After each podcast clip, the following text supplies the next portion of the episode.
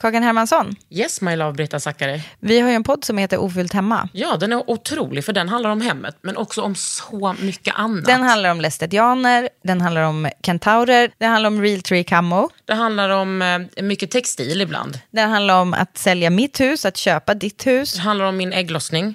Alltid. Ja. Min också. Tack. Den heter Ofullt hemma och den finns där poddar finns. Hörs i podden, hej då! Hey, I'm Ryan Reynolds. At Mint Mobile, we like to do the opposite of what Big Wireless does. They charge you a lot, we charge you a little. So naturally, when they announced they'd be raising their prices due to inflation, we decided to deflate our prices due to not hating you.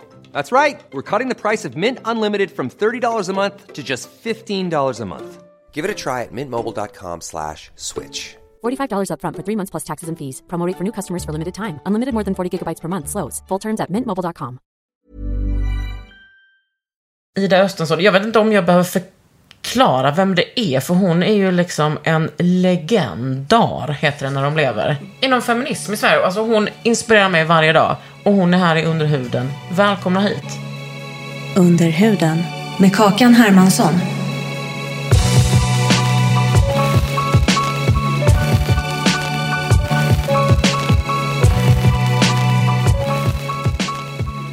Ida Östensson, du är den eh, mest outtröttliga personen. Out, heter det det? Ja.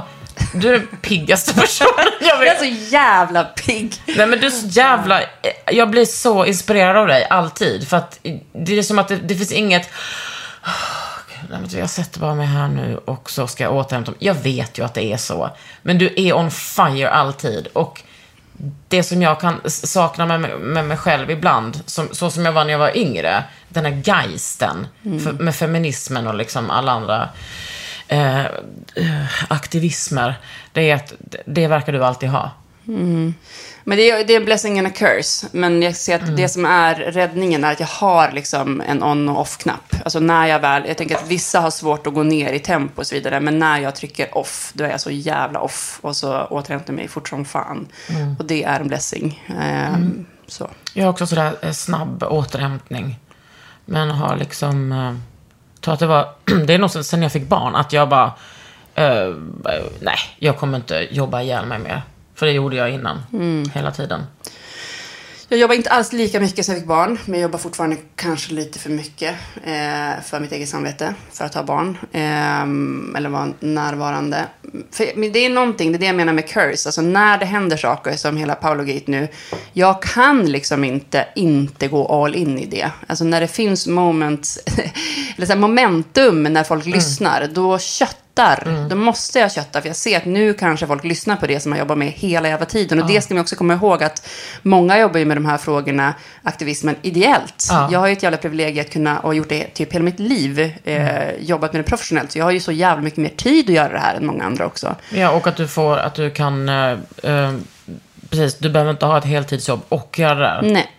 Eller, ja, och sen är det ju också så, alltså personer, främst då kvinnor som jobbar med aktivism på det här sättet på jour eller whatever, blir ju också utbrända liksom i högre Ja. grad. Man ska ju inte jobba med mäns våld mer än tio år, säger folk. Men det gör man ju ändå. Mm, ja, det är svårt att sluta när man har sett skiten. Liksom. Eh, berätta lite mer om Paolo-gate. Paolo-gate, ja, jag vet inte, ska vi köra round two, den som är nu eller? Ja. Ja, Jag tror att folk som lyssnar på min podd eh, har koll. Ja, okej. Nej, men han eh, var ju tyst ett år efter att han erkände att eh, han hade begått ett brutalt övergrepp. Du mot en- menar inte att det har gått ett år? Jo, det var ju på årsdagen de släppte de här poddarna. Det var ju som att det var riktigt genomtänkt. Det var så sjukt att när Paolo, när Paolo Gate 1 var, så fick jag så många DMs bara, men vänta bara, om ett år då kommer boken, då kommer han sitta i Malou, då kommer allt hända liksom. Och det blev inte Malou och inte en bok än, men det blev eh, Navid Modiri och Sista måltiden liksom.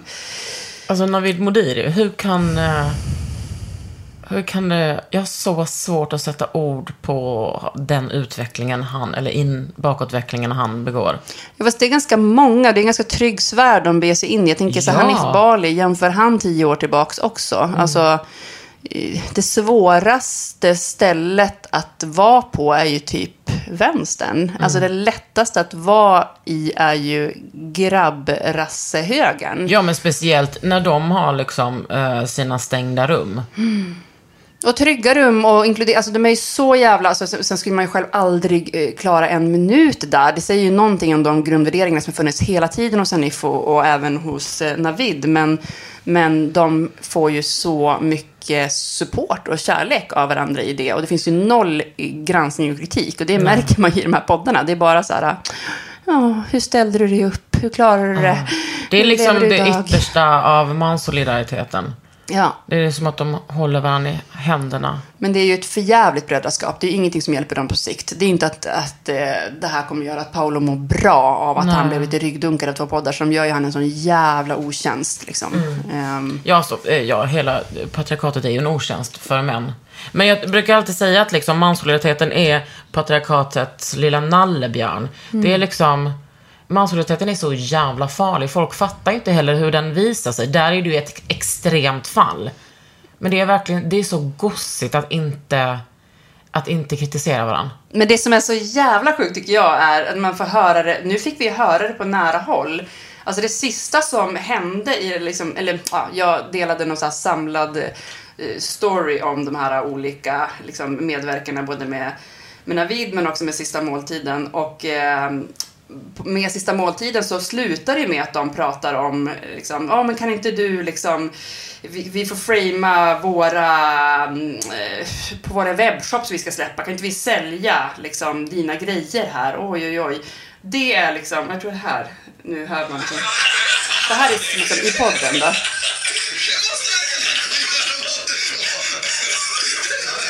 Nej vänta, här. Så här, jag har ju byggt en webbshop nu för sista måltiden som ska lanseras. Den dialekten. Då har jag frågat till Paolo. Går det specialbeställa en olivolja som är brandad sista måltiden? Ja, ja. Vilken bra idé! Absolut. För det Men samtidigt har avstånd från sexköp. Ja, den polisen säger det. Vad sa han? Ja, men då ska Chang då säga, kan vi framea våra grejer med sista måltiden och vi kan sälja din olivolja. Vad har du mer? Vad kan vi sälja mer i våran shop? Alltså du vet, helt plötsligt de säger, Paolo vill prata spaghetti, vi vill prata prostitution. Och det där är det som de sitter och han om livesänder. Vad sa Ja, men polisen? Och samtidigt ska man liksom ta avstånd mot sexköp med de här produkterna ungefär. För att det är ju det som, till exempel Matsmart köpte ju upp allt restlager som alla affärer vill göra sig av med. Mm. Och då gjorde de det i samarbete med min organisation Child 10. Eh, och att så här, då gick eh, den, den vinsten över till att få motverka människohandel. Och då vill de narra det. Och bara så här, då ska vi sälja produkter och ta liksom, avstånd mot sexköp. Alltså, och, så, Och det är en där, och det där polis. garvet. Ja, det är en Vad polis. heter den det polisen? Hanif Aziz? Ja, det tror jag. Cissi eller något där. Ja, och eh, ja, men sen är det ju liksom Chang Frick och det är ju ett så jävla göttigt gäng med snubbar då helt enkelt. Eh, som har- Azizi heter han. Assisi, ja. Eh, nej, det- det är så vidrigt och det är det där eh, som vi ju aldrig får höra. De där garven, hur det ska gå från att de ska försöka liksom eh, framea det som att vi ska såhär, säga nu till Paolo, det, här, det finns liksom, det kan ju vara människohandel och så helt plötsligt säger han bara nej, nej, nej, det här är liksom, jag brukar säga bara googla henne och så kommentar bara hon är fett snygg va? Du vet, säger de också bara, de bara så jävla vidrigt. Och bara, hon lever på franska rivieran, hon har, hon har opererat för hundratusentals kronor. Liksom. Där hamnar de i podden och objektifierar den här liksom, utsatta kvinnan. Ja, och f- flyttar framförallt allt fokus från det, Paulus övergrepp såklart. Ja, och, De men det är ju klart hon ställer det frivilligt. Folk tror ju liksom, du måste förklara Paolo. Folk tror att det står liksom en ryss i garderoben med pistol mot den här kvinnan. Du måste förklara vad var det för kvinna. De liksom pushar på att han ska prata om hennes frivillighet. Liksom. Hon var polsk, va? Ja, hon var polsk. Ja, och så bara, ja, jag gjorde bara en snabb kontakt till åklagaren. Bara, hej, hej, jag måste bara fråga, är det så att eh, kvinnan eh, var polsk? För jag kände så här, varför skulle det vara? Jag jobbar med människohandel. Det var en lägenhetsbordell där fyra eh, rumänska hallickar opererade. Varför skulle de ha en polsk kvinna där? Jag vet exakt hur de här lägenhetsbordellerna funkar. Det är väldigt baserat på samma typ av etnicitet. Så. Så jag tänkte, det är någonting fel i det här. Är det den här polska kvinnan verkligen som han hänvisar till, som är uthängd på Stoppa pressen och Flashback med bild och allting? Ja, och då skriver åklagaren till mig på en gång. Hon bara, nej, det är en rumänsk kvinna. Den som Paolo hänvisar till och som finns på Stoppa pressen och Flashback är inte den kvinna som han... Nej. Och det ska ni fan veta. Han ljuger! Och media har inte snappat upp det här. Alltså, jag blir så... Han, Men det är ju för att media är, är liksom helt sjuka i huvudet och hatar kvinnor. Och älskar män. Och så skriver de om han pruttar, men de skriver inte om att han för ett förtalar den här polska kvinnan, som att hon skulle då ha blivit eh, begått, att han skulle begått övergrepp på henne, eller köpt sex som han kallar det. Eh, och som att hon skulle då överhuvudtaget vara frivillig bara för att hon skulle vara opererad för hundratusentals kronor. Vi vet ju att det är en av man- människohandlarnas strategier, att investera i de här kvinnorna. Han hade en lyx, lyxeskort, den betalade du mycket för och så vidare. Men också att bilden av den glada, jag hatar att säga hora, jag säger det nu. Den, bilden av den glada horan fortfarande existerar och att de liksom vill pusha det. Och det är det de gör i båda Mm. de här poddarna och det är det som är så himla frustrerande. Och då kan folk säga, vad ger inte Pauli mer uppmärksamhet för skriven om det här? Jo, för annars får bara den bilden Mm. utrymme. Och det jag vet att media vill ta in våra debattartiklar, de vill höra och folk bryr sig om det här när Mm. de känner en frustration. Och då använder jag de luckorna för att få ut prostitutionens verklighet. För att beskriva att det går inte att särskilja prostitution och människohandel i samma jävla marknad. Du som köper kan aldrig veta. Nej. Oavsett om det står, jag träffar som Paulus, när han hänvisar till, det stod att hon bara träffar liksom, speciellt utvalda män och hon pratar italienska. Så de kan skriva Nej, men fan de snälla, vill. och det är inte liksom. de som har skrivit det. Det är deras liksom hall. Är du skön? Nej, jag, alltså, jag tyckte att det var sånt jävla scoop. Och när vi delade det här, jag bara sa till min bonusdotter, bara, det här kommer vara liksom front news imorgon över liksom hela, vi satt, jag och Gabriella Wolfe från Inte en hora satt hela natten och skrev debattartikel och bara, satan vad det här kommer liksom bränna. Hur Nej. mycket uppmärksamhet fick det då? Nej, det är så här, Expressen och Aftonbladet har liksom quotat eh, typ vår debattartikel och Mm. quotat några andra som har skrivit om det här. Men de har inte, jag har gett åklagarens nummer till alla. Så här. Hon ställer upp på intervju. Liksom. Mm. Hon kokar väl för fan också säkert om de här jävla lögnerna. Hon har ju Mm. sett den här skiten på insidan. Han hade blivit fälld för oaktsam våldtäkt, tror jag, om de hade fått tag i den här kvinnan en andra gång. Om vi hade haft en lagstiftning där man på en gång utreder sexköp som våldtäkt. Mm. Att det inte ingår när vi har en samtyckeslag som säger att finns det inte samtycke är det våldtäkt. Men du kan betala dig förbi våldtäkt Men för- och få dagsbot om det handlar om att du liksom har, om det framas som sexköp. Det går inte ihop. De här Nej. lagstiftningarna, sexköpslagen och samtyckeslagen, krockar idag.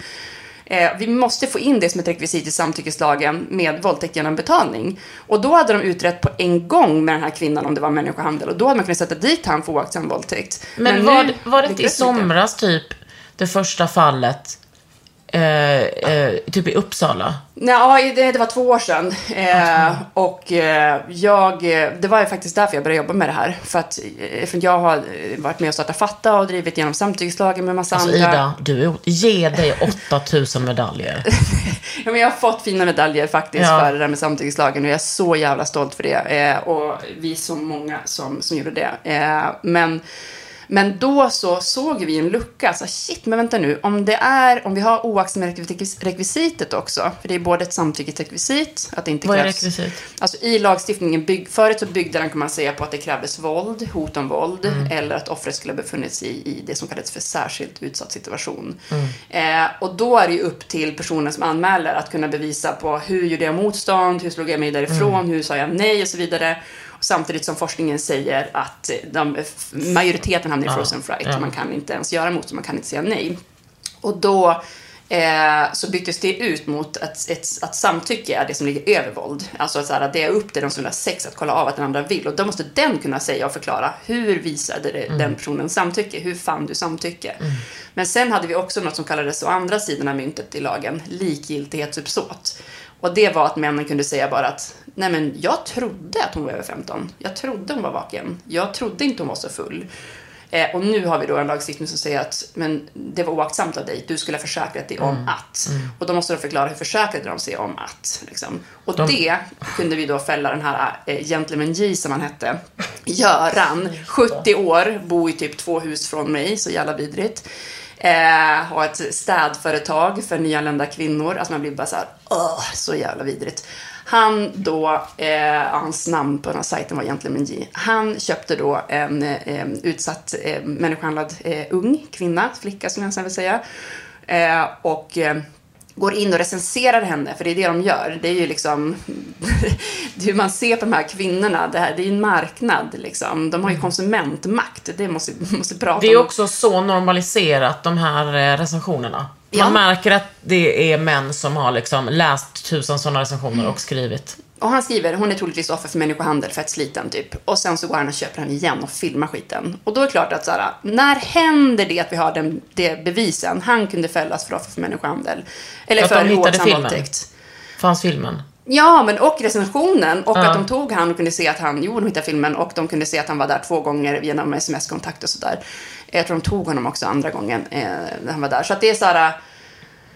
Det går inte att få ett sånt case igen. Vi trodde att vi hade det med Paolo när han sitter sex timmar efter han har begått det här övergreppet och säger i direktsändning så här. Jag har inte kollat upp någonting om henne. Hon var troligtvis offer för människohandel. Eller hon var troligtvis dittvingad, säger han. Det är inte så att hon var där frivilligt för att det var kul. Alltså han säger sådana saker som man borde kunna fälla honom för våldsam våldtäkt. Men med hans fall så visar det sig att lagen, samtyckeslagen, täcker inte det. Utan vi måste göra sexköp till eh, betald våldtäkt. Alltså det måste bli så. Eh, hur lång tid, eller tror du att det är möjligt att göra en sån lagändring? Det tror jag verkligen och vi pushar på som fan kring det. Eh, Och det betyder inte att sexköpslagen ska tas bort. Utan om man inte kan bevisa det ska det ändå falla tillbaks på Gud, ja. eh, sexköp som inte ska vara eh, bötesbrott. Jag älskar också den, vi var först och så vidare, men vi ligger sist typ med den nu. Alltså hur vi har applicerat den. Alltså Mm. i Frankrike, då har man så exitprogram för kvinnor, man hjälper dem in med liksom ekonomiskt stöd, få nya jobb och så vidare. Vi gör ju ingenting sånt i Sverige. Mm. nej, vi har, eh, det har vi bara fri, frivilliga organisationer. Ja, som inte har de resurserna att kunna Nej. göra det på det sättet. Utan man kan bevara dem i den största liksom, otrygga tiden. Mm. Och sen kan man hjälpa dem att få komma hem till sina hemländer, om man är, som de flesta är då. Personer som inte är från Sverige. Men, Mm. Men jag älskar att vi har den lagen i Sverige. Ja, men den räcker inte. Och den är Nej. inte applicerad på de tre P'na. Alltså det ska ju vara prevention, prosecution och protection Mm. som sexköpslagen ska bygga på. Vi ska ha stöd, vi ska ha straff och vi ska ha förebyggande arbete. Men det är, vi gör inte, vi försöker jobba lite grann som alla politiker alltid gör. Med Paolo Gate 1, när det var liksom för ett år sedan. Ja, då gick de ut, vi ska inte ha bötesbrott, det ska vara eh, liksom fängelse, bla bla bla. Ja, jättebra, men prata om vård och stöd också. Prata om att vi också måste jobba med de här normerna. Men det är det som jag tänker är generellt problemet med Sverige, att vi inte erkänner att vi har liksom strukturella problem i vårt land. Att vi inte kan, alltså det är klart att vi liksom, att eh, staten ger pengar till kvinnojourerna, men vi har ju inte erkänt att vi har problem med mä- mäns våld mot kvinnor på samma sätt. Vi har ju haft några sådana diskussioner nu på senaste. Men det är ju samma med det här. Skulle vi erkänna att vi har problem med, liksom, med män som köper kvinnor i alla yrkeskategorier, ehm, då, och liksom fått en större ekonomisk insats, då, hade, då är det ju lite som att men Sverige hade backat och bara okej, vi erkänner, vi har inte kunnat sköta det här. Ja, nej men vi kräver ju haverikommissioner hela jävla tiden och att så här, varför är kön inte ett hatbrott? Vi måste ha femicide, alltså vi måste, det finns så mycket kvar att göra. Och det är som att de, nu, nu får vi se, nu har ju liksom, nu har ju Märta, eh, då jämställdhetsministern och eh, Morgan, justitieminister, fått i uppdrag att ta fram ett åtgärdsprogram, eh, så här 43 punkt som man har mot gängvåldet. Och det, alltså då, det ska bli så spännande eh, att se det, för att när man då man har ju pratat mycket om mäns våld med kvinnor nu, men man pratar ju inte om mäns, eh, de män som begår det här kommersiella våldet mot kvinnor. Man tar inte in kvinnor i prostitution och människohandel. Och det är bara ett år efter den stora, eller inte ens ett år, det är ett halvår sedan. Det var i höstas vi hade den här stora debatten om, om Paolo Gate. Och det enda vi kom till, fast det var det alla pratade om, var högre straff. Och jag blir så less på att det ska räcka för att vi i allmänheten ska känna att vi är nöjda. Ja, men vad bra, det blir inte bötesbrott. Men kvinnorna då? Alltså sexköpslagen är fortfarande skriven som att sexköp är ett brott mot staten. Alltså vi har inte ens, det finns inte ett offer, det finns inte ett brottsoffer. Utan det är staten man är taskig mot, för vi vill inte ha sexköp i vårt samhälle. Hur fan kan vi inte, när vi vet liksom, prostitutionens verklighet och hur, alltså antingen så är det inre eller yttre tvång, alltid, att vi då inte ser att det här, eh, att de är brottsoffer, att det inte är inskrivet, så att de kan få målsägande beträde, att de kan få rätt till vård och stöd och skydd och ersättning. Varför skulle du säga, varför är det så då? Nej, men därför att vi, det har inte varit en nog stark opinion kring det. Alltså det här är, vi har liksom jobbat med det här. Det är klart att röster har kommit tidigare om det också, men det har varit senaste året som vi har pushat på kring det här. Ja, Och- men också att folk har ju inte tagit feminister på allvar. Det var bara, alltså när Mona var här och vi pratade om det, eh, och jag sang, satt långt ifrån micken, så du. Nej men tänk ändå liksom, det, vi pratar ju inte 500 år sedan, vi pratar ju liksom några decennier sedan. Två hon- decennier sedan som hennes eh, mormor fick rösta, eller vad hon pratade om, den grejen. Eh, två, Ja, för att hon var två generationer. Nej, två generationer. Ja, precis. Ja, exakt. Ja. Nej, men att hon så här, att ha varit en, att ha varit en feminist, alltså folk skrattar ju åt oss fortfarande. Mm. Det är klart det är svårt att skapa opinion. Nej, men också tror jag att man inte ser de här kvinnorna som eh, skyddsvärda. Alltså de som blir mördade i sina fina villakvarter av eh, sina män som de har levt med. Då tycker man att de förtjänar inte bli mördade av de här beastsen. Liksom. Men de här kvinnorna då som väljer, det är också den här jävla sexlobbyismen, liksom sex worker alliance. Nyliberala Ja, jävlar. alltså sex work is real work, bla bla bla. Alltså det provocerar mig något så enormt att den, man, man tror att det är PK att använda sex work, sexarbete. Alltså, använd aldrig det Utsatt ordet i ut- prostitution, Ja. Mm. eh, utsatt för kommersiell sexuell exploatering. Snälla någon, alltså man tror, Det är så viktigt att använda det, att använda språkets makt där. ja. Och då kan man säga, men jag vill inte göra dem till offer. Och så bara, men alltså, Varför inte? Eh, Skulle du inte eh, tänka att man kanske är ett offer för mäns våld om man typ blir pissad, slagen, eh, våldtagen och betald för att knulla? Läs en liksom? fucking bok Ja. om det här. Ja, herregud. Men jag, jag, åh gud.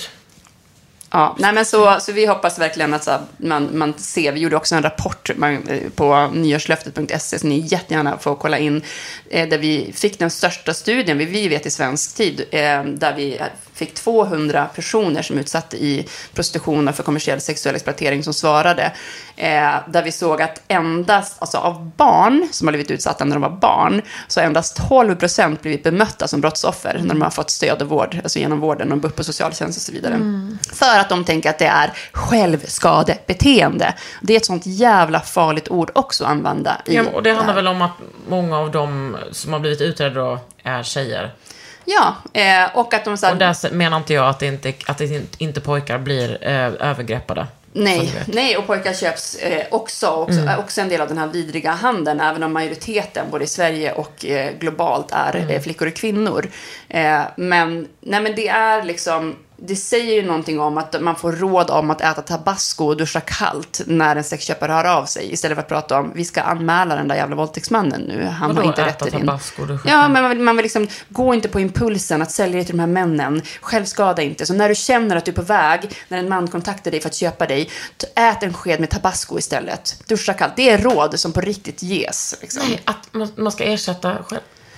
Ja, istället för att säga, för de, vi frågar också så här, men har du fått, för det är så här, det, är inte som att man, man har på rutin att fråga om de här frågorna. Det är inte på rutin att, att polisanmäla om barn har blivit köpta. Alltså det finns så mycket brister inom vården och det är det. Vi måste, för de som då är eh, över 18, att det måste vara, man blir brottsoffer, att det ska ses som våldtäkt, eh, att vi inte särskiljer de våldtäkter som är genom betalning eller inte betalning, men också att vi måste se över vård och stöd, exitprogram. Eh, och det sista P då, att vi måste jobba med, vi gjorde också en SIF-undersökning samtidigt som vi släppte den här Hit Flickvän-kampanjen. Den här fejkade 20-dating-sidan där vi fick 808 män på tre dagar att regga sig och eh, en av sex av dem eh, som reggade sig ville köpa barn. Då gjorde vi en SIFO för att se svenska mäns syn på det här. Eh, och då visade det sig att eh, var sjunde man var positiva till att personer köper sex. Eh, och då kan man ju tänka att, men, kollar man, bryter man ner det på ålder, att den yngre generationen som har vuxit upp med sexköpslagen, de kommer ju vara mer negativ till sexköp. Nej, nej, nej. Den yngsta generationen var mer positiv än än den äldsta. Men det måste ju ha med porrkonsumtion att göra också. Absolut, 100 procent. Och att, alltså, vi bottnar ju fortfarande i samma problem hela tiden. Att, att mansrollen eh, uppmuntrar män till att ta sin sexualitet på så stort allvar Mm. i kombination med sin älskade orgasm och det med makt. Makt, så in i helvete makt. Alltså att få göra det som man inte tänker att man kan få göra med någon som man älskar och som är eh, värd att ta hand om. Utan då är det den här saken som jag kan få göra vad fan jag vill med och det vill jag betala för. Liksom. Och det hade varit intressant om de grottade i med Paolo på något sätt. Att så här, okej, han är en av de män som inte behöver betala för att få sex. Det handlar inte om att få sex för honom, så vad handlar det om? Men liksom? också bara att vara så dum. Att liksom, jag först begår det här brottet och jag menar, det är klart att vi inte vet om han har gjort det flera gånger. Ja, men det är typ det han erkänner om man säger att det är den polska kvinnan. Då är det så, han säger i podden att Ja. det är en polsk kvinna, men han är fälld för sexköp för en rumänsk kvinna. Ja. Vilket innebär att han ju måste ha köpt två om han inte ljuger om den polska kvinnan. Och då är det förtal mot den polska kvinnan. Och det är det som är nyheten som inte media Mm. fucking snappar upp. Snappa upp det nu då. Ja.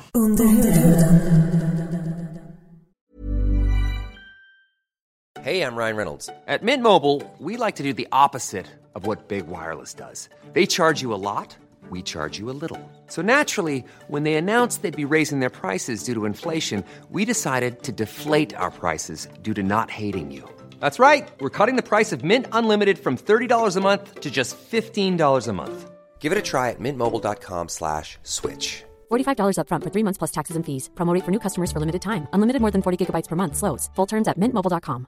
Mother's Day is around the corner. Find the perfect gift for the mom in your life with a stunning piece of jewelry from Blue Nile. From timeless pearls to dazzling gemstones, Blue Nile has something she'll adore. Need it fast? Most items can ship overnight. Plus, enjoy guaranteed free shipping and returns. Don't miss our special Mother's Day deals. Save big on the season's most beautiful trends. For a limited time, get up to 50% off by going to Blue Nile.com. That's Blue Nile.com. Kan du inte berätta lite om Child 10?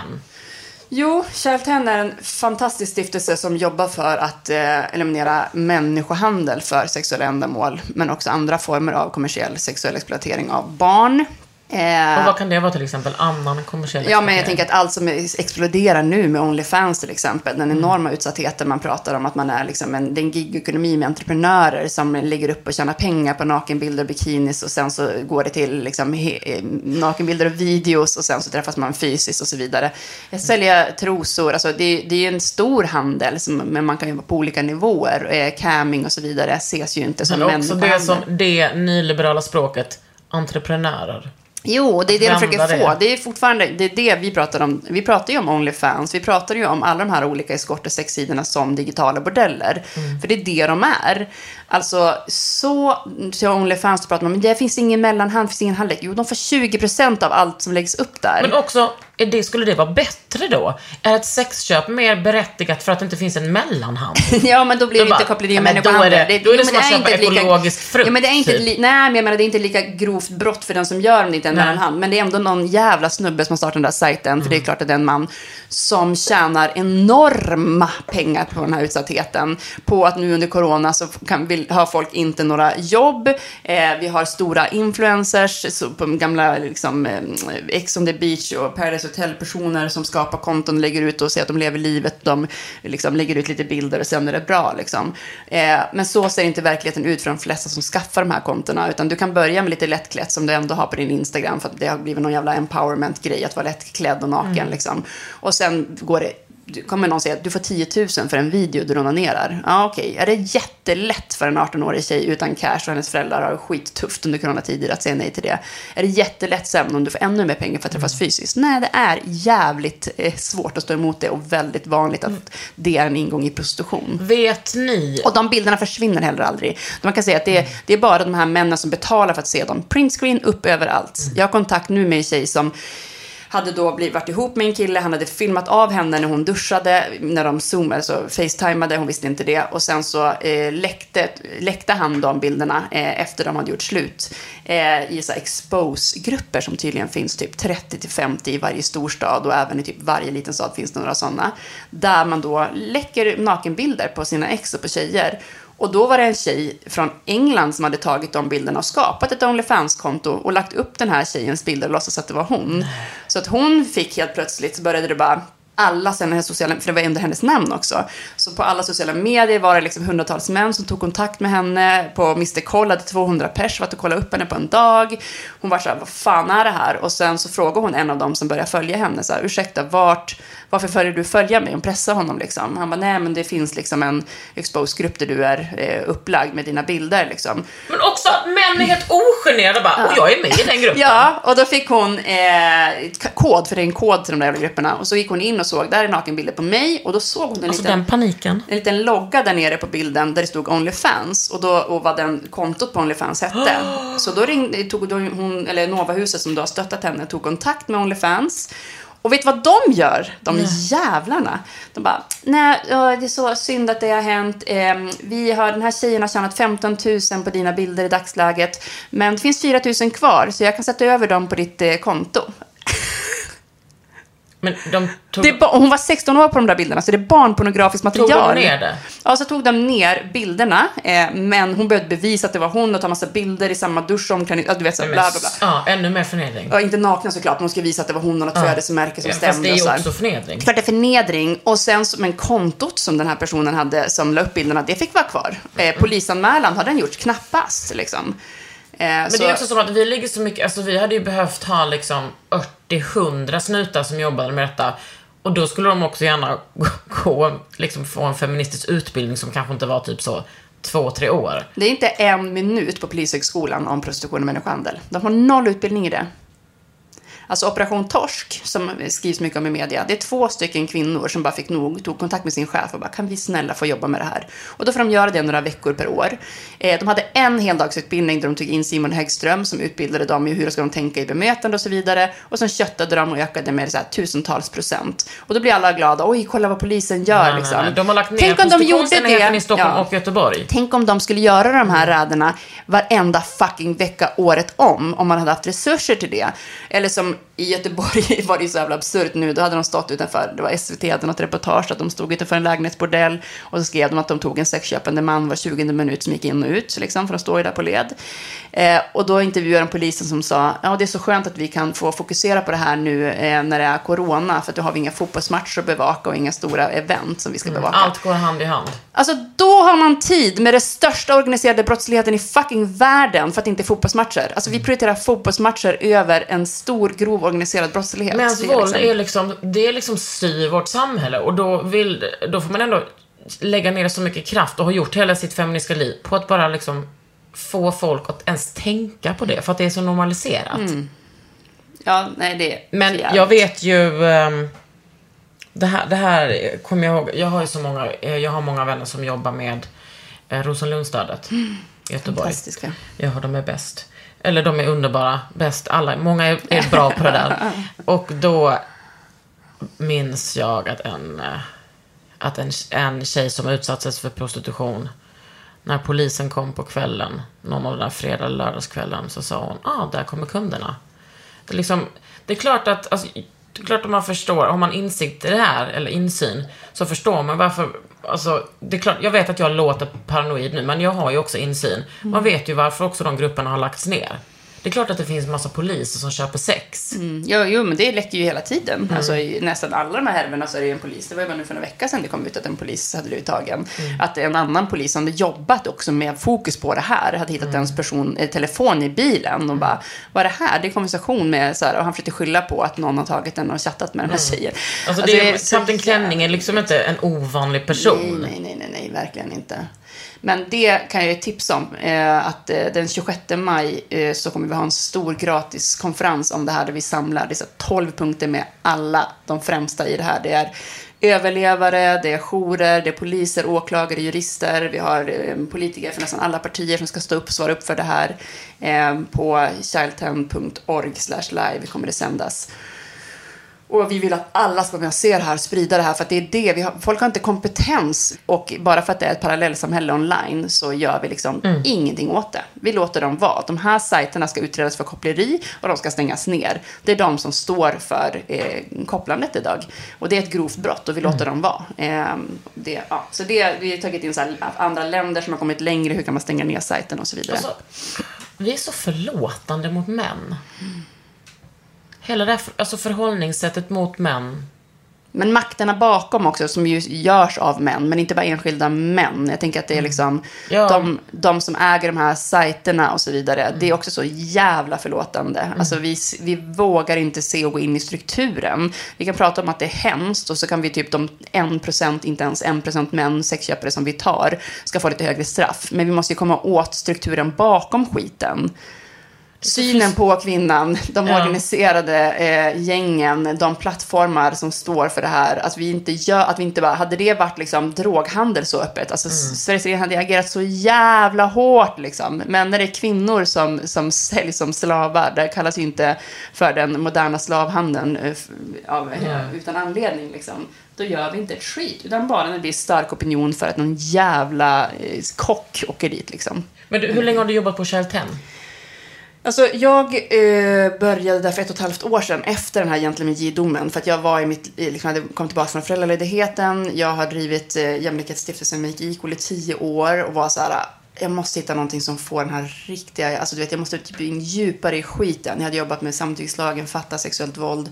Och när jag läste den domen om den här unga kvinnan som blev utsatt av alla de här jävla männen. Jag googlade upp varenda jävla man där. Du vet, så här, vd för det företaget för det företaget. Alltså, vet, stora. man- Åh, fy fan alltså.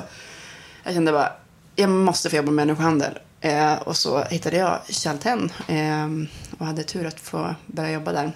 Och vi jobbar ju både globalt och i Sverige och det känns också väldigt värdefullt. Varje år ger vi pris till tio gräsrotsorganisationer. Var, var startades Chalten? Det startades i Sverige. Ah. Eh, av Sara Damberg som har startat Friends och Reach for Change och massa bra grejer. Men också Sophie Stenbeck. Eh, de hade båda liksom, eh, av olika anledningar tagit del av prostitutionens verklighet. Och Vem liksom, är Sofie Stenbeck? Sophie Stenbeck är ju Jan Stenbecks, en av Jan Stenbecks döttrar. Wow. Ja, hon är ju... Alltså, de är valt Kristina Stenbecks syster. Ja, exakt. Och Hugo Stenbeck sitter i styrelsen också nu för. Så att de barnen har ju verkligen gått in i viktiga grejer. Fan vad liksom. kul att höra. Ja, det är verkligen bra. Så det finns ju faktiskt också lite ehm, Schyssta kapitalister. schyssta kapitalister helt enkelt. Men, eh, men de inte är, liksom, ja, sitter i styrelsen men, men eh, jobbar inte i verksamheten så. Men de har ju öppnat väldigt mycket dörrar globalt för att vi ska kunna göra stor förändring. Och eh, det som Sophie och Sara kände när de startade var att de här äh, gräsrotsorganisationerna har sånt jävla motstånd. För det är också väldigt mycket så här, barn på flykt och då är det liksom väldigt mycket människohandel som plockar upp de barnen och då är det rasister som är på dem och det är människohandelsnätverk och hotbilden är så enorm. Så det startade egentligen över att det var en award varje år där man valde ut då de tio främsta kopplat till olika teman varje år. Förra året var det Children in the Hands of Europe, då är det fokus på Grekland och, och öarna och liksom den utsattheten där. I år har vi Girls Rights Have No Price, fokus på då tjejer som utsätts för en kommersiell sexuell exploatering. Eh, och då sammanför man då de här tio organisationerna för att lära av varandra och driva politisk påverkan. Vi jobbar väldigt mycket mot Bryssel i EU, men också att vi lär av varandra och tar hem det till våra länder. Eh, men att du de ska... lärt dig eh, mycket? Ja, jag kunde ingenting om det här. Jag kunde ju mycket om sexuellt våld, men jag kunde ingenting om människohandel och prostitution mer än man har läst i böcker, typ. Men absolut. Du kunde säkert ganska mycket ändå. Fan, det har ändå varit min... Eh, det har liksom varit mitt största intresse, prostitution, så länge. Fan vad det är deppigt alltså. Jo, alltså... Nu, måste, nu kommer jag på att jag måste ta mina antidepp. Du blev deppad när vi Jag pratade. fick en jävla ångest. Och att jag bara, vad... Nej, men du ska ju känna pepp nu, för de här Jag organisationerna är så jävla fantastiska. Alltså, vi, kör, vi, hade, vi hade tak med en rumänsk organisation igår som heter Librare som jobbar med att stötta offer för människohandel och prostitution. Eh, och det är ju det som ger mig styrka. Folk säger, hur orkar du? Ja, det är klart man inte orkar om man bara skulle lyssna på jävla poddar med Paolo Roberto. Men jag får jobba med de här organisationerna som gör så jävla mycket bra saker. Och jag får stötta dem. De får 100 000 varje år av oss. De får utbildning, kapacitetsutveckling för deras organisationer. De får nätverk, vi får gemensam påverkan. Vi lär av dem, de lär av varandra. Alltså, Men det Ida, ger ju styrka. då undrar jag, går du i traumaterapi? Vi hade faktiskt första sittning, eftersom att vi inte jobbar direkt med offren, man, ofta så tar man ju, får man ju, går man i sekundär traumaterapi när man jobbar direkt med offren. Och jag, eftersom att jag jobbar som kommunikatör, så sammanställer jag nyheterna eh, som är kring det här varje dag. Och så eh, skickar vi ut det. Tillsammans, jag och min praktikant Malin sitter med det där. Och sen skickar vi ut det till resten av eh, personalen. Så att varje morgon börjar vi med att läsa om alla liksom, våldtäkter, alla sexköp, övergrepp, pedofiler, nätverk. Och då, då tog vi upp det så här, fan, för det, alla, det var någon dag, det var så, så här, 40 nyheter som var så jävla mörka. Och så hade vi någon så check-in med personalen. Alla satt där typ tomma i blicken. Och då sa vi, vi behöver fan börja gå i någon form av sekundär traumaterapi. Men det också är så liksom- typiskt feminister att komma på det lite sent. Att man bara, mata, mata, mata. Ja, men det är för att vi jobbar på mer strukturell nivå. Har vi ja, inte men tänkt det är att vi är stört målgrupp. att ni inte liksom. har gjort det innan. Nej, jag kan säga att jag, man kan ju bli fucked på olika sätt. Det, fuck, det sättet jag blir fucked på, som min kille sa till mig, vi var i vår stuga förra helgen. Snygga kille. Förlåt men han är så snygg. Han är så jävla snygg. Säg till om ni öppnar upp. Nej. Och du vet ju inte, du kanske Det blir sugen på att ha en öppen relation. Robban, for om du now. hör det här. Ja, gud, alla borde få lite Robban i sitt liv. Han är underbar. Men, och det är ju skönt att det finns lite nice snubbar där ute också, får man inte glömma. Men han är också bra på att påminna mig, för vi var i stugan, det var så strålande sol första sommardagarna, allt var så nice. Eh, och jag bara satt och lyssnade på de här jävla Navid Modiri-poddarna, jävla Sista Måltiden-podden. Jag eh, hade på någon annan ljudbok, vi ska se en dokumentär på kvällen och jag ville bara se den här om människohandel och han var så här, Ida, det här är too much liksom. Du hade jobbat häcknade förra veckan, vi skulle landa den här helgen. Fattar att det är liksom ett akut läge nu, så här, lyssna på de där poddarna. Han är också schysst och fattar när jag be- verkligen behöver gå in i saker. Men vi behöver väl fasen inte lyssna på den där ljudboken i här dokumentären också just nu. Typ. Nej. Du måste bara se något annat liksom.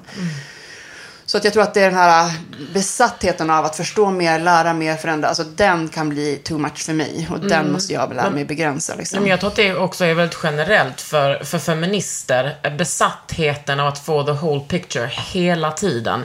Vi är ju liksom de mest självkritiska och de mest vetgiriga alltid. Det är en så jävla dålig kombo, men det är också vi som räddar världen. Jo, men det är också, vi har ju alla egna trauman på något sätt. Och det är också ett sätt för mig faktiskt att eh, många av de här grejerna, alltså min eh, resa, jag skrev en, ett kapitel i Sida vid sida, en feministisk bok som alla borde läsa. Eh, och då, eh, när jag skulle skriva den, så vad ska jag skriva om typ? Då hade jag precis hittat mina gamla dagböcker och eh, hade gått in och läst mer om liksom, eh, de övergrepp som jag blev utsatt för som barn. Eh, och när jag då kunde se i tid i min dagbok så här, shit, alltså när jag konfronterade honom, eh, min gamla tränare som utsatte mig för övergrepp eh, och han liksom noll, kunde ge mig noll i det liksom och bara prata om att vad hemskt att det blir en upplevelse, bla bla bla. Mm. Så tog det liksom fyra månader tills jag startade fatta. Och det tror inte jag var en slump. Att så här, shit vad jag bara behövde få. Jag kunde inte komma i mitt eget case längre liksom. Men jag kan förändra det här för, så att alla andra jävlar inte ska, ska begå det han gör. Och att alla andra liksom, kvinnor och barn inte ska bli utsatta för det här liksom. Nej men det är det som är... Det hjälper mig, liksom. Ja, det är otroligt. Men det är ju också alltid det där med feministers ständiga dåliga självförtroende. Att vi också... Att vi känner att vi måste rädda världen hela tiden. Mm. Jämfört med, då med massa män som är helt tvärtom. Som bara känner att de kan ödelägga hela världen hela tiden. Ja, men det är också det. Sen kom det här liksom, laget av intersektionell feminism kanske för tio år sedan till min kännedom och jag började liksom ändra Make Equal och den stiftelsen till att inte bara prata om så här vita cis-kvinnor som var som mig själv. Liksom. Och då är det så här, shit, ska jag lära mig om alla liksom, diskrimineringsgrunder, om alla förtryck? Och så ska, alltså, du vet, det blev också en sån, det, det är också det är ett måste, för att annars är det inte, eh, tycker jag, en bra feminism. Men då blir det så här, då måste vi vara så jävla många fler. För det, när man öppnar alla de här dörrarna, det är katastrof. Och det, ja, nu har vi, det är också en sån här sak, nu har vi, vi har ett projekt med Kiko som heter Allierad, som handlar just om så här, hur kan man engagera sig i kamper som inte drabbar en själv? För det är det som jag tror att många har svårt med. Man engagerar Ja. sig i det som är närmast en själv. Och sen är det it, liksom. Om vi alla kan stötta varandra i varandras kamper, då kan det hända något. Jag tror att jag har, varit, jag har varit så hård mot mig själv hela mitt feministiska liv. Och jag blev feminist så tidigt. Jag har varit så hård mot mig själv. Jag har bränt ut mig. Jag har varit så jävla deprimerad. Och till slut så tänkte jag ju så här. Jag kan fatta bidra med ett skit om inte jag mår bra. Och nu mår jag bättre än någonsin. Därför är jag lite selektiv med vad jag jobbar med. Men du vet, jag sitter, sitter i styrelsen för Tjejzonen. Och sen så, ja men jag jobbar med lite olika grejer. Men det är ju också så att innan var jag väldigt mån om att folk skulle veta vad jag gjorde för att man ville hela tiden få det eh, alltså få det godkänt och få uppmärksamhet. Nu kan jag ju jobba mycket med så här, alltså on the down low med grejer som jag tycker är viktiga. Men jag blir sugen på att jobba med det som du jobbar med. Att jobba, Välkommen, alla välkomna. man kan vara lite volontär där Ja, eller? verkligen. Alltså, vi behöver så mycket stöd och hjälp. Och, och du skulle kunna göra så mycket för Kälten. Och vi, alltså, det är ju liksom, man kan, det är vissa som syns och hörs. Min röst hörs, min Häggström hörs, Talita hörs. Men det här är ett fält av så jäkla många aktörer. Civila plattformar mot människohandel kan man kolla på. Eller människohandel.se. Att Människohandel.se. den adressen måste finnas. Ja, Nej, men fuck Eh, you. Men ändå bra att vi har tagit den så det inte är människohandlarna som har Så att inte Gentleman G bara, den här ska jag köpa. Ja. Fan vad jag... Men alltså, där finns det ju så många organisationer som jobbar med det här som inte syns och hörs, som behöver så mycket stöd. Mm. Eh, och vi behöver verkligen ge alla som jobbar med det här stöd så det inte är liksom bara vissa av oss som Mm. syns och hörs och får stöd. eh, Jag har en efterlängtad gäst som, kom, som jag ska spela in med nästa vecka, Daniel Israeli. Ah, gud. Som jag liksom så har... tacksam för hans röst. Är så att, ja, och det, det kanske är, är töntigt att känna så om en, bara för att han är så här en snubbe som är, men kanske är lite så kampsportsmacho snubbe. Men han, är, jag är så tacksam för att han finns. Ja, men han, det är klart han kommer kunna prata på ett helt annat sätt om de här frågorna. Jag har hört han i lite grabbpoddar och sådär. Och Mm. Ja. det är mycket lättare för han att få dem Ja. att lyssna. För att de är dumma i huvudet och lyssnar bara mer på sådana som Daniel. Ja, de identifierar sig med honom. Ja, eh, Du var väl också på den, eh, det var typ för förra oktober så hade Talita den här konferensen om prostitution. nej, jag var precis föräldraledig. Jag hade Just precis fått barn då. Ja. Jag var tvungen att gå hem efter halva för jag mådde så illa. Mm. Men då var ju han där och pratade om och så pratade han om reaktionerna från olika boys som är så du vill bara knulla med feminister. Nej, men det är alltid det. Då. Ja. Men eh, jag pratade faktiskt med Varför säger du inte till oss att vi bara vill knulla med hallickar då? Eller vad är det? Varför gör vi det vi gör? Åh gud Ida. Men jag pratade med en, en manlig fotbollsspelare som är liksom så här utåt sett supermacho. Eller supermacho, han är liksom, han passerar som en grabb-grabb liksom. Och han, och liksom, han berättar om hur han hade liksom ganska tidigt förstått sexism liksom. Och hur han, jag, jag kunde jämföra det väldigt mycket med att vara lesbisk feminist. Att man sa absolut inte får sexualisera kvinnor. Och det har jag tyckt varit problematiskt för mig. Att man inte ens får sexualisera sin egen flickvän, speciellt när vi var yngre. Det var, det var så hårda normer, tyckte jag, i mitt, liksom, i mitt umgänge. Att han bara, nej, alltså, det har förstört allting för mig. Jag kan liksom inte... Jag känner mig som att jag begår övergrepp vad jag än gör, liksom. Eh, eller inte övergrepp, jag kanske inte använder de orden. Jag bara, ah, vad tycker dina boys om det? De bara, nej, alltså att jag är bög. Nej men det är ju det. Men, men det är det, de måste ju bara bli fler. Alltså nu fick jag Richard Maigars bok hem häromdagen och liksom där han pratar om sin psykiska ohälsa och machokultur, omklädningsrum och bla bla. Alltså det, det är liksom alltid när jag, typ, jag ändå jobbat med frågorna så jävla länge nu och när man går frågar så här, "Va, vilka namn finns, vilka killar pratar om det här? Det är så här, samma jävla snubbar som bla bla. Men det börjar komma till namn och det är det. Man kan störa ihjäl sig på de här feministsnubbarna men de gör något jävligt viktigt. De får fler att bli det också. Det finns ju också några feministsnubbar som är helt fruktansvärda. Jo, såklart. Du och jag ler mot varandra. Vi vet vilka vi pratar om. Men, men jag kan ändå bli så här, jag hatar inte dem lika mycket som jag hatar dem som inte gör något. Alltså trots det, man kan liksom, jag tycker inte de förtjänar mer hat än de som inte gör ett skit. Eh, jag tycker vi ska försöka vara, alltså det tar emot för det- man vet också så här, vad folk har för drivkrafter och så vidare. Men vi behöver ha fler män som gör det på riktigt såklart. Alltså shit vad jag har gått i många fällor. Jag har jobbat med så mycket olika mansprojekt och jobbat med så mycket män som har varit så keffa liksom. Åh gud, tänk att Men jag orkat göra det, Ida. Ja, jag vet. Men jag har också jobbat med helt fantastiska män som gör det av helt rätt anledning. Mm. Och det, om det blir fler, det kommer alltid finnas rötägg, om det blir fler så kommer vi få fler som gör det av rätt anledning. Mm. Och jag hoppas verkligen att fler liksom, vanliga dudes vågar steppa upp. Och liksom, för det är också deppigt när man ser den här debatten. Det är bara kvinnor som delar, kommenterar, likar, sprider. Och ingen lyssnar ju på oss. Mer och mer lyssnar ändå på oss. Men det är liksom... Du är så positiv Ida. Jo, men vadå? Ja, men det är klart att de lyssnar. det så. Det är klart att folk lyssnar på Ja, oss. men du liksom. förstår ju vad jag menar. Det känns som att man har gått runt med typ så en drage, typ, jag bara, det här är bara så Robinson. Jag, jag kollar så mycket på Robinson. Att man går runt med typ så en kedja, med typ någon sån sandbox och drar den och bara, this is normal, this is normal, this is normal. Nej, men man blir ju så... Ah! Den depp jag kände när medierna inte plockade upp det här med Paolo. Du, du vet, jag vill ju typ dö då. Alltså, man, man pratar så här, hur orkar du? Så här, ja, jag kan vara jättepositiv och så vidare. Men när jag blir mörk blir jag så jävla mörk verkligen. Alltså, Mm. så här... Fan, vi, jag sov typ inte på två dygn. Jag bara hetsade med det här. Bara, nu jävlar ska det ut och vi ska börja prata om prostitutionens verklighet. Mm. Vi ska, media ska granska den på riktigt. Liksom. Inte bara gå på hans jävla skitsnack om någon sån här lyxprostituerad eh, som inte aldrig är det. Liksom. Men nej, ingenting. Det är något quote från Paolo, något quote från mig, något quote från Simon, något quote från Talita och sen är de klara med sin artikel. Och det är deppigt alltså. Det blir inte någon riktig journalistik. De bryr sig inte om de här frågorna på riktigt. Nej, det, men det är viktigt att, att Zlatan har skadat sig faktiskt. Ja men gud, alltså jag skulle vara med och prata om, vi släppte, jag startade killmiddag där män eh, pratar med andra män om saker de inte pratar om, så här, samtycke, övergrepp, porr och så vidare. Är det det som liksom har spridit sig internationellt? Ja, Global Guide Yeah. Talk heter det nu. Alltså, jag har ju nyhetsuppdateringar på min mail. Varenda dag får jag ett nytt land som har arrangerat min Global Guide Talk. Ja, det är så coolt. Är Men det då- bara typ eh, akademiker, eller liksom, vad är det för slags män som möts där? Nej, för det är ju så de samarbetar med så sportklubbar, de har ambassadö- ambassader som bjuder in här, skolor. alltså. Och liksom, ja, nej, men det, det har verkligen spridit sig. Så här, åklagare, polis, alltså, du vet, som vi vet att det måste in överallt. Alltså, det, det, har verkligen, eh, det har verkligen spridit sig. Och så är det klart att det inte är så långt som vi har velat. Liksom, att det fortfarande är mest de som ligger närmast att kunna göra det som Mm. gör det. Liksom.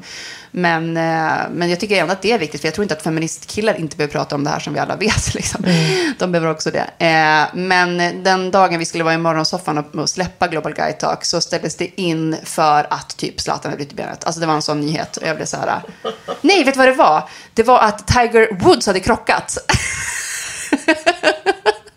With his dick. ja, Han har någonstans. krockat med sin kuk i en annan kvinnas fitta. Ja, ja, Ja, exakt. Du vet, då blir man så jävla mörk verkligen. Fy fan, alltså det, det är typ som ett skämt att det ens har hänt. Jo. Men du, är du, är du rädd? Känner du dig liksom utsatt som offentlig feminist? Eh, inte nu alls. Jag får sjukt lite hat. Alltså nu eh, såklart, när man skriver de här frågorna så är det mycket snubbar som vill prata om, att, eh, det, alltså om prostitution och försöka prata För de om det är vet bättre än du va? Ja, ja, de vet så mycket Ja. bättre. Alltså, Fan, det är ju jag skönt. valde typ att grotta in i det här med eh, alltså, vart tjejen kommer ifrån, som eh, Paolo eh, våldtog. Men, men det, jag kallar det för våldta. Jag tycker inte det är någon skillnad Du på sexköp och be om ursäkt i den här podden. Behöver du inte förklara Nej, men så sånt. de fattar att jag hänvisar till sexköpet, liksom, Ja. för jag tycker det är våldtäkt. Men då eh, så var det en kille som hade skrivit mig i hundra år innan och bara, men du fattar inte, du måste googla den tjejen, det här är liksom en lyx. Och så bara, nej jag ska fan knäcka den där jäveln liksom, tänkte jag. Det var någon så här random med noll följare. Och så tog jag reda på det här, släppte det här, fick sån jävla spridning i sociala medier. Och så fortsätter den jäveln att skriva till mig. Nu har jag inte fattat någonting, det är fel tjej du ta-" Man bara, men jag pratade med åklagaren, jag skickade print från fuppen, från förundersökningen. Han bara, hur ska jag veta att det där är den som har med Paolo att göra? Jag bara, men beställ den själv, 75 spänn så får du den på posten. Han bara, försöker tjäna pengar på dina följare. Jag bara, men Precis, fuck det, you! du är liksom. ansiktet utåt för att försöka... Du är verkligen en... Åh, gud. Ja, nej, Men tänk och liksom mörkt. också att det är så jävla viktigt att backa andra mäns liksom, möjligheter att få, liksom, eh, att få utnyttja kvinnor. Ja. Eh, Men min poäng med det hela var att jag har ingen hotbild alls över mig nu. Men jag har haft feta, alltså när jag jobbar, det är ju framförallt antirasism, det är det som gör det, eller antinazism. När vi Ja. startade och jag protesterade när NMR fick tillgång till Almedalen och vi byggde en stor skoinstallation och drev en kampanj om att förbjuda rasistisk organisering som nu eh, verkar komma närmare mål. Och de pajade den här installationen, NMR sparkade ner den framför liksom, polisbevakning. Eh, och vi flyttade runt den här skoinstallationen till olika museum för att få upp den i värde, stämde dem på en miljon. Eh, alltså du vet, jag bara, både de ska, liksom, de ska förbjudas enligt lag och jag ska ta alla deras pengar för de hade typ en miljon. Då var det kaos. Då fick jag meddelanden om att jag inte kan bo hemma längre, vi fick flytta kontor, jag fick bo i en jävla stuga en hel sommar eh, utan någon typ uppkoppling och eh, ja, det var hemskt. Man kartade min familj och det var så här, det var en maktkamp också inom NMR precis. Det var så här, om det någon gång kommer bli mord är det nu och det är du de pratar om i grupperna. Och den, den då, alltså jag har ju fortfarande liksom trauman från det. Eh, och har med polisskydd när jag ska föreläsa. Och ah, det var fruktansvärt. Så jag vet verkligen hur det är att ha en reell hotbild. Vilket gör att jag inte alls är rädd när jag får någon random på DMs på det sättet. Utan så här, Same. ja. Men ja, man kommer ju alltid ha någon form av inbyggd skräck när man varit med om något sånt. Jag vill Alltid. gråta, Ida. Ja. Varför varför ska det vara så här? Om man bara zoomar ut, ska det liksom vara som att du och jag är helt vana? Vi bara, ja men jag hade också vakt då. Jag hade också, en, en, jag hade också två poliser som var här och tittade igenom min lägenhet. Uh. Uh, nej men jag tror bara alltså, att man... Eh, alltså jag, jag behövde ta en paus eh, under några månader och inte vara frontperson just i den frågan. Liksom. Och jag tror tyvärr att jag blev lite tystad i det och jag vill knappt erkänna det. Liksom. Eh, men att vi behöver rotera vilka som frontar saker. Eh, men att man kommer alltid, alltså, jag behöver alltid, jag hörde också när du och Mona pratade om att så här, typ, jag tror du sa som jag överlever inte om jag inte får fortsätta kämpa. Liksom. Nej. Och det har man ju i sig. Sen måste man kanske värdera inom vilka frågor och hur man gör det och att man inte alltid orkar vara den som frontar. Och det här så jävla, det som provocerar mig mest i hela världen, det är när folk tror att man gör det för att man vill synas. Alltså det värsta som finns är att synas. Det är fruktansvärt. Snälla, tror du man vill vara rädd? Ja. Men jag, jag tror också att jag, är, jag känner mig så jävla nöjd över att jag, att jag kunde... Men så här blev det för mig liksom. Jag kan jobba på L och prata beauty. Jag kan leda L-galan fortfarande ha ganska men, radikala åsikter och strategier. Eh, och det tyder ju ändå på någon slags utveckling. Tycker jag. Ja. Att, man kan, eh, att man kan blanda det där. Du vet, när jag blev en offentlig person fanns, fanns det ju väldigt få offentliga feminister. Typ Alexandra Pascalidou. Som har banat vägen för oss 100 Ja, procent. ju... Förut, alltså jag menar förutom politikerna. Och vet du vad, jag, jag, nu måste jag åka och brottas, Ida. Och då kommer jag börja gråta på träningen. För jag, nu känner jag mig så... Och det eh, behöver inte vara ett dåligt gråt. Man bara, för den här podden handlar om mig idag. Ja, men det är, Nej, men- finns ju också, jag, måste, nej, men jag kan inte sluta där. Det finns ju, nu, till exempel nu i dagarna så fick jag bära in 10 000 barnböcker till mitt Gicols kontor om det vi ska lära så här, samtycke, okej med dig. Alltså, vi har ju det här Stopp min kropp för barn och jag störde mig lite över det angående samtyckeslagen där vi vill flytta fokus från ett nej är ett nej till allt annat än ett ja är ett nej. Eh, att det inte ska lägga ansvar på att jag måste säga nej för att det vet vi enligt forskningen Men- är det svåraste. Ja. Men barn ska vi fortfarande Men lära det. så här, det är exakt så den kvinnliga versus den manliga sexualiteten är. Mm. Män uppfostras att pusha, pusha, pusha Ja, ja, ja. tills någon... Och vi nej betyder lär oss att, ja, ja, liksom. och att typ vi lär oss spel. att, att säga nej. Det är så vår sexualitet är. Vi ska inte vara kåta, vi ska bara vänta på mannens kåthet. Ja, nej, men då, då tänker jag, det som får mig att överleva, det är så här, jag pratade med min mamma, hon har varit förskollärare i 43 år, hade precis pensionerat sig, så jag var så här, för några år sedan, jag bara, du är så, kan vi inte hitta något begrepp som är typ som stopp min kropp, fast man lägger ansvaret på att kolla av, att vi börjar med så här riktigt jävla små, jag har blivit mamma och du vet, man går in och funderar över hur ska jag uppfostra min son, liksom. Och då hon bara, ja nej, jag kan inte sånt där typ. Eh, du får så, här. så hon bara, men Ida vad tror du om Okej med dig? Och så häver hon ut armarna på sidan så här, kolla av. Jag bara, alltså det bästa. Ah. Så nu har vi gjort en barnbok som kommer släppas, okejmeddej.se. Vi har filmer, vi har lärarmaterial, vi har sång. Liksom. Så nu ska vi börja jobba med små jävla små pojkar liksom. Om Ja, det är där man måste. Ja, men vi måste bara tänka så här, vad kan man göra som skapar det? Som, för mig, alltså det är lika mycket av egoistiska skäl att känna att så här, jag måste också få göra någonting som kan skapa en förändring. Och sen eh, när förändringen väl blir så är det ju en glädje i det också. Men det är så man orkar fortsätta för alla som lyssnar och känner så här, fy fan vad tungt. Engagera er, jag lovar att det är medicinen. Det kommer tunga perioder, men överlag så, ja, ja, ja, det är min terapi liksom känna att jag faktiskt är med och bidrar till förändring. Ja. Och det kommer jag på många olika sätt. Man behöver inte driva en podd eller liksom sitta i morgonsofforna. Man kommer med och stötta, man kan volontära. Och de flesta sitter ju inte i morgonsofforna som förändrar världen. Nej, Sen gör vissa av oss det Mm. ibland. Ida, alltså I adore you. Och jag du, jag har sugit you. på den här karamellen så länge att du skulle komma hit. För man vill ju portionera ut lite. vad svarade jag när du frågade mig? Äntligen, Ja. typ. Eller på Ja. tiden. När jag skrev äntligen! Ja. Ja. Du är så Jag cool, Ida. Du också. Nej men alltså du är, så, fy fan jag blir så jävla inspirerad av dig. Bara fuck den här jävla... Ugh. Så känner jag. Ja, och kroka andra med andra Ja, ja, feminists. ja, ja, Det är också en överlevnadsstrategi. Fan, jag är så glad att jag är feminist. Och ge varandra kärlek. Ja. Du har lyssnat på Under huden med mig, Kakan Hermansson och... Ida Östensson.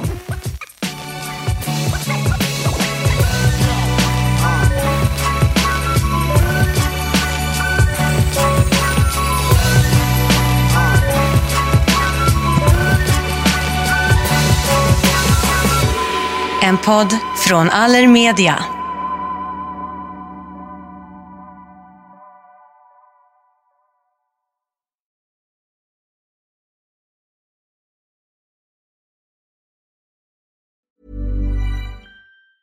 Planning for your next trip? Elevate your travel style with Quince. Quince has all the jet setting essentials you'll want for your next getaway, like European linen, premium luggage options, buttery soft Italian leather bags, and so much more. And it's all priced at 50 to 80% less than similar brands. Plus, Quince only works with factories that use safe and ethical manufacturing practices. Pack your bags with high-quality essentials you'll be wearing for vacations to come with Quince. Go to quince.com slash trip for free shipping and 365-day returns. Normally, being a little extra can be a bit much, but when it comes to healthcare, it pays to be extra.